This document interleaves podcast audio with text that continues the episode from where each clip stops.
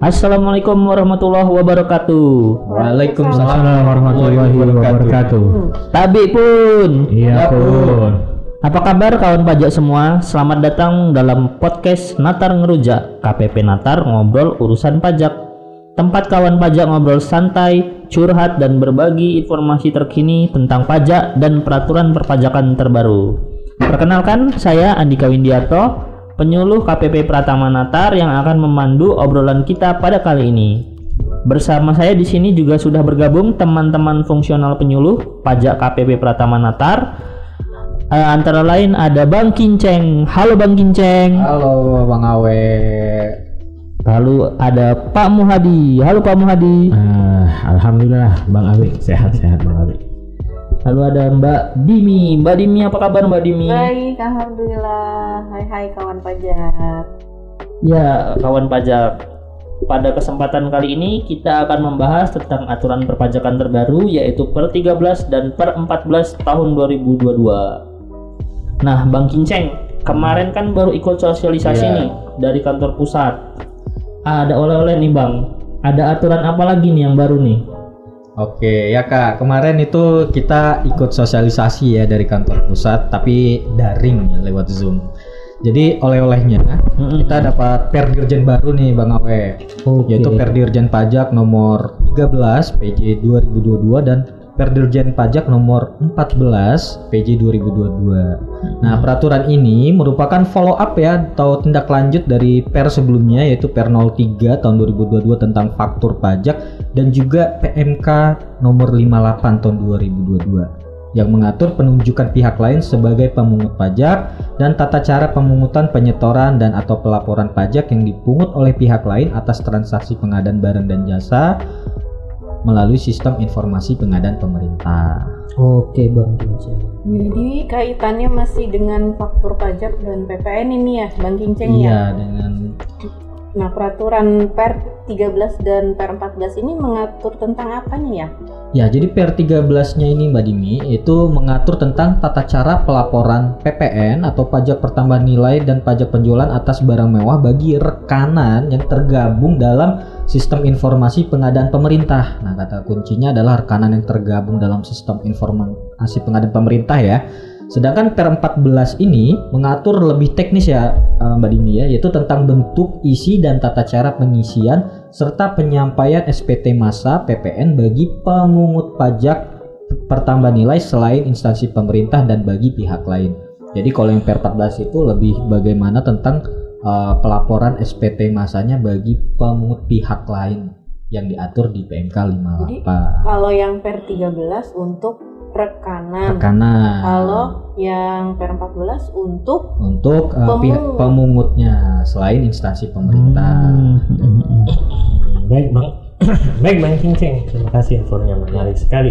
Sa- yang jadi latar belakangnya kan peraturan Menteri Keuangan nomor 58 ya tahun 2022. Selain itu ada peraturan-peraturan lainnya nggak yang mendasari terbitnya peraturan dirjen pajak nomor 13 dan nomor 14 ini bang Cincing. Ya bener banget Pak Mu. Jadi eh, kita lihat lagi ya bahwa per ini em, di latar belakangi bahwa kita harus memberikan kepastian hukum dalam pelaksanaan PMK nomor 58 ya yang tentang penunjukan pihak lain sebagai pemungut pajak dan tata cara pemungutan penyetoran atau pelaporan pajak yang dipungut oleh pihak lain atas transaksi pengadaan barang dan jasa melalui sistem informasi pengadaan pemerintah dan juga yang pasti memberikan kemudahan pelaporan PPN bagi rekanan yang merupakan pengusaha kecil yang melakukan penyerahan BKP dan atau JKP dalam sistem informasi pengadaan pemerintah.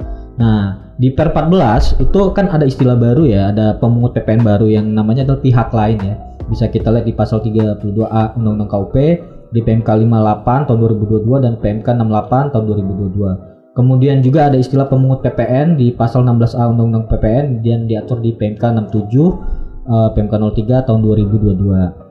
Nah, Per 147 juga tentang bentuk isi dan tata cara penyampaian surat pemberitahuan masa pajak pertambahan nilai bagi pemungut PPN belum mengakomodasi pelaporan dan pemungutan PPN bagi pihak lain tadi Pak Muhadi makanya dimunculkanlah per yang per nomor 14 ini Nah, diharapkan ini semua dapat memberikan kemudahan, kepastian hukum dan meningkatkan pelayanan kepada pemungut PPN selain instansi pemerintah dan kepada pihak lain dalam melaporkan dan mempertanggungjawabkan PPN dan PPNBM yang telah dipungut dan disetor. Gitu, Pak Mu. Ya, makasih. Ya Bang Kinceng, kalau per 13 ini tadi eh, mengatur tentang apa ya ini? Masih mungkin bisa dijelaskan lebih lanjut Bang Kinceng? Jadi yang perlu kita eh, perhatikan ruang lingkup dari per 13 ini adalah eh, rekanan ya atau rekanan pihak yang tergabung dalam sistem informasi pengadaan pemerintah.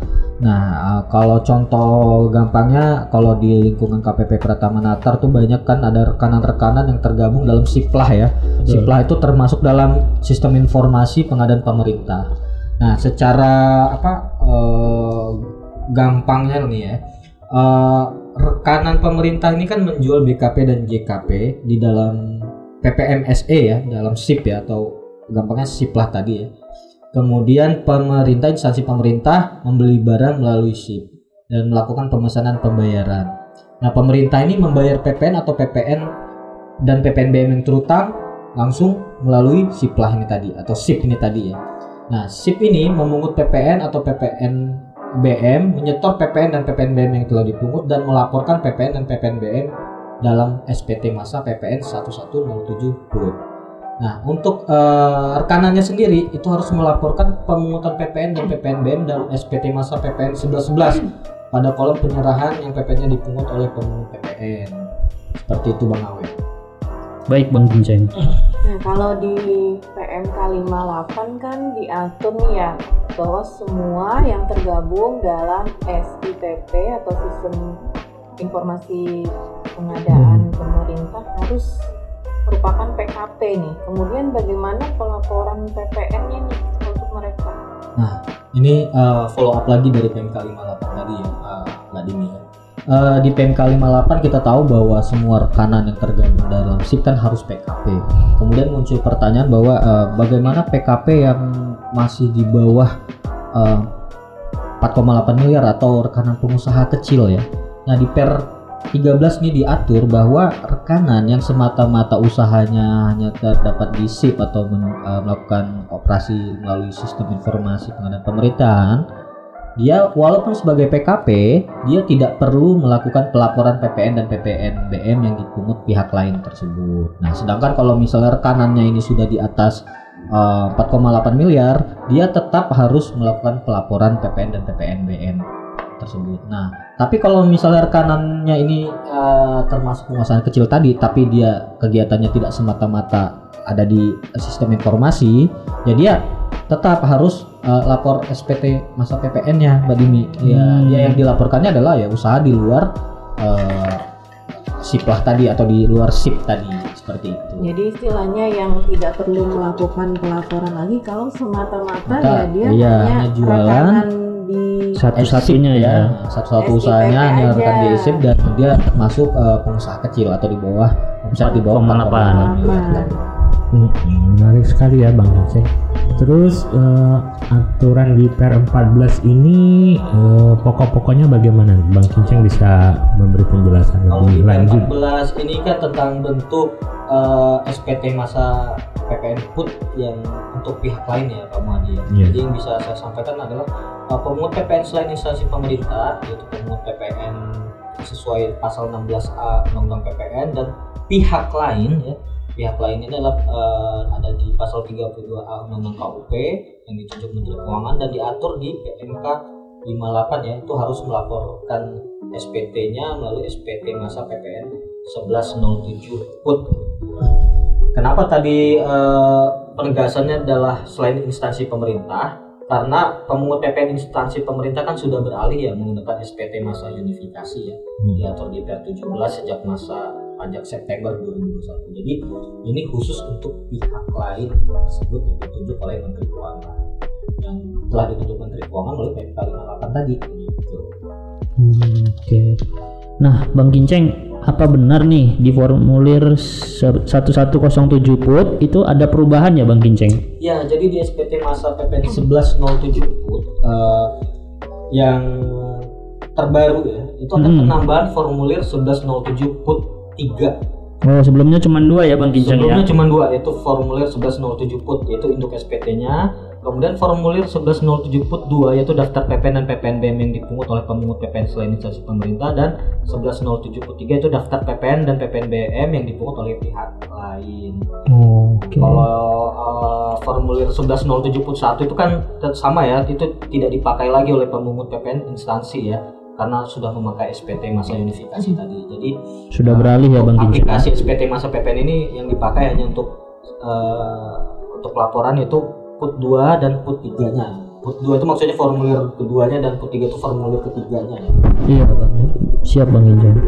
Nah, Bang Kinceng kemudian untuk membuat SPT masa PPN ini gimana nih? Pakai aplikasi baru atau bagaimana? Ya, untuk eh, pelaporan SPT masa PPN put ini kita ada aplikasinya di SPT PPN 1107 put. Itu versi tahun 2022. Oh, versi baru berarti ya. Nah sebelumnya sudah ada ya, sudah ada yang existing. Nah untuk yang baru ini ada tambahan di put 3 tadi. Nah, kalau yang existing sekarang itu nggak ada tambahan di put formulir ketiganya, hanya sampai formulir kedua. Nah aplikasi baru ini eh, wajib digunakan oleh pihak lain ya, sesuai pasal 32 Undang-Undang KUP dan pemungut PPN selain instansi pemerintah ya, selain instansi pemerintah tadi. Kemudian SPT masuk PPN 1107 put ini kan isinya tadi udah kita sudah saya sampaikan ya induk formulir lampiran 2 dan formulir lampiran 3 seperti itu tadinya Oke baik Bang Kinceng. Nah setelah SPT-nya kita buat kan tentu harus dilaporkan ya. Ini PKP pemungut ini melapornya di mana nih Bang Kinceng?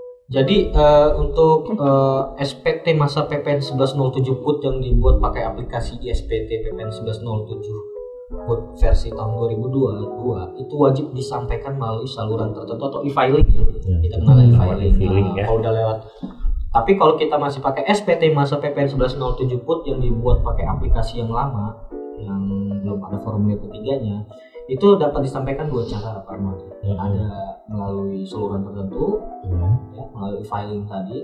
Namun juga masih bisa disampaikan secara manual ya. Karena belum dapat disampaikan melalui laman DJP ya.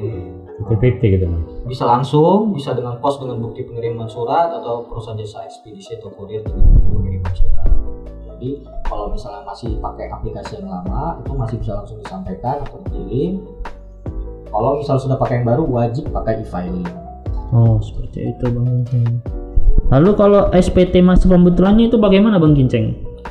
Nah, kalau misalnya pembetulan ya eh, sebelum beralih nih ya penyampaian SPT masuk PPN 1107 sebelum beralih itu pemungut PPN selain instansi pemerintah yang beralih menggunakan aplikasi ISPT PPN 1107 versi tahun 2022 membetulkan penya- mem- menyampaikan pembetulan SPT masa PPN untuk masa sebelum beralih menggunakan aplikasi versi tahun 2022. Oh, SPT masa PPN masa pajak tersebut dibuat menggunakan aplikasi yang lama. Jadi untuk pembetulan-pembetulan sebelum masa-masa ini keluar itu harus tetap pakai yang lama untuk pembetulannya. oke. Tapi kalau misalnya sudah baru harus tetap pakai aplikasi SPT yang baru. Nah ini ada catatan lagi ya Bang Awe ya. Ini eh, lupa saya sampaikan tadi bahwa dalam hal pada suatu masa pajak tidak terdapat transaksi yang wajib dipungut PPN atau PPNBM, Hmm. maka pemungut PPN selain instansi pemerintah atau pihak lain tadi dikecualikan dari kewajiban penyampaian SPT masa PPN 1107 put untuk masa pajak yang bersangkutan.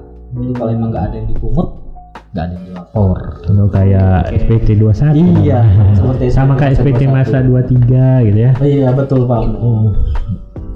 Ada lagi nggak nih Bang Kinceng yang perlu diketahui kawan pajak? Ya, karena misalnya eh, karena aplikasi ISPT PPN 1107 put yang ada sekarang eh, masih dapat tetap digunakan, maka dalam formulir induk tetap membuat isi, eh, memuat isian huruf A ya di bagian A ya PPN dan PPNBM yang dipungut oleh instansi pemerintah dan tidak perlu mengubah aplikasi ISPT PPN 1107 put tersebut. Namun dalam petunjuk pengisiannya diatur bahwa huruf A tersebut tidak perlu diisi. Jadi di ISPT PPN sekarang ini jangan bingung, itu tetap ada tulisan PPN dipungut oleh instansi. Nah, tapi tidak perlu diisi. Nah, tapi bagian B-nya tetap diisi oleh pemungut PPN selain instansi pemerintah atau pihak lain. Karena SPT PPN 1107 PUT masih dapat tetap disampaikan secara manual, maka dalam formulir itu tetap memuat isi yang berupa tanda tangan dan cap perusahaan. Karena untuk pemungut PPN selain instansi pemerintah yang masih diperkenankan menggunakan aplikasi SPT PPN 1107 PUT dapat menyampaikan SPT masa PPN 1107 PUT secara manual. Namun untuk menyampaikan SPT masa PPN 1107 put secara filing dalam petunjuk pengisiannya diatur bahwa tidak perlu dibubuhi tanda tangan basah dan cap perusahaan. Jadi kalau secara manual itu nggak perlu ya tapi sudah ada filingnya ya sudah ada aplikasi. Nah peraturan Direktur Jenderal Pajak eh, nomor Per 147 tentang bentuk isi dan tata cara penyampaian SPT masa PPN bagi pemungut PPN itu dicabut ya Per 147 dan eh, Per 14 ini berlaku mulai untuk masa Oktober Oh, berarti sebentar lagi ya Bang Ginceng ya. Iya, Sudah bulan mau depan Oktober. sudah memakai aplikasi yang baru. Bisa Oktober lapornya bulan November. Ya, Ya jadi begitu kawan pajak Eh, yang perlu ditekankan adalah para rekanan yang tergabung dalam SIPP itu harus PKP ya Bang Ginceng ya. harus PKP. Wajib PKP dan jika yang tergabung dalam SIPP itu omsetnya di atas 4,8 miliar itu wajib melakukan pelaporan.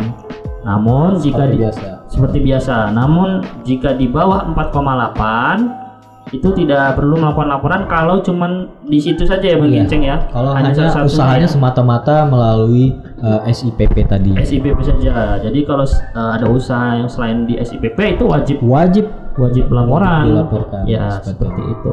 wajib melaporkan SPT masa PPN seperti biasa. Biasa SPT masa PPN. Tidak ada pertanyaan. Itu semua diatur di Per 13 ya. Iya. eh, Bang Awe ya di Per 13. Kalau Per 14 tadi itu adalah bentuk isi SPT-nya, SPT masa bagi pihak lain sebagai pemungut PPN. Iya, gitu. Jadi begitu kan pajak. eh, terima kasih dan jangan lupa follow akun Instagram kami di KPP Pratama Natar di @pajaknatar. Mudah-mudahan siaran podcast Natar Ngerujak kali ini membawa banyak manfaat dan informasi yang kawan pajak butuhkan. Jadi untuk kawan pajak jangan semua jangan lupa ikutin terus siaran Natar Ngerujak. Sampai ketemu di episode selanjutnya. Wassalamualaikum warahmatullahi wabarakatuh. Waalaikumsalam warahmatullahi wabarakatuh. Tabi pun Iya pun. udah Udah ngerujak belum hari ini. Udah ngerujak belum hari ini? belum udah ngerujak belum guys Belum masih lemes. Ulang ulang ulang. Sap, kurang dari mana? Dari tabik pun Tabi pun. Iya Iya pun. Udah Udah ngerujak belum hari ini?